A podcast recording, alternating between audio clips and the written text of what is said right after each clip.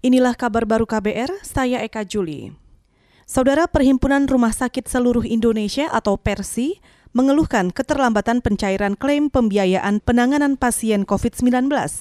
Pengurus Pusat PERSI, Tonang Dwi Ardianto menilai itu terjadi lantaran regulasi klaim anggaran pasien virus corona melalui BPJS Kesehatan baru muncul belakangan.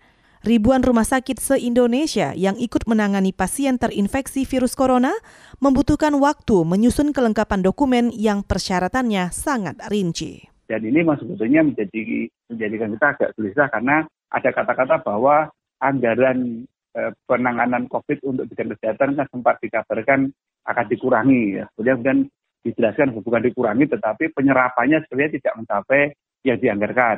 Nah, kami khawatir itu salah satunya adalah karena memang beberapa klaim itu belum cair sehingga seolah-olah dana penanganan COVID untuk bidang kesehatan kok sepertinya menjadi tidak uh, menjadi sisa, artinya tidak terserap semua.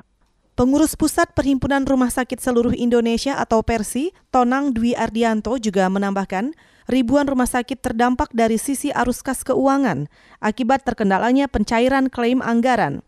Apalagi ada komitmen dari pihak rumah sakit untuk tidak akan memungut biaya pelayanan kesehatan terhadap pasien COVID-19.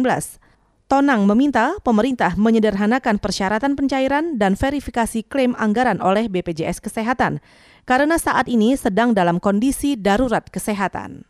Masih terkait COVID, pemerintah Provinsi DKI Jakarta kini mengizinkan pasien positif COVID-19 menjalani isolasi mandiri di rumah – Hal ini berbanding terbalik dengan pernyataan Gubernur DKI Jakarta Anies Baswedan sebelumnya yang menyatakan pasien positif OTG atau orang tanpa gejala dilarang isolasi mandiri.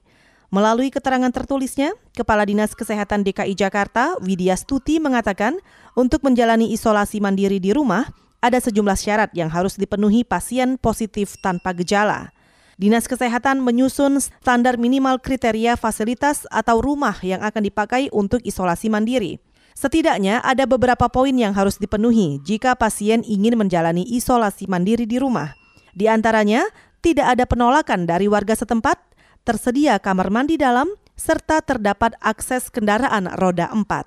Kita ke mancanegara. Dua maskapai penerbangan Amerika Serikat mengumumkan akan melakukan pemutusan hubungan kerja atau PHK terhadap 32 ribu pekerja. PHK massal akan dilakukan Oktober ini.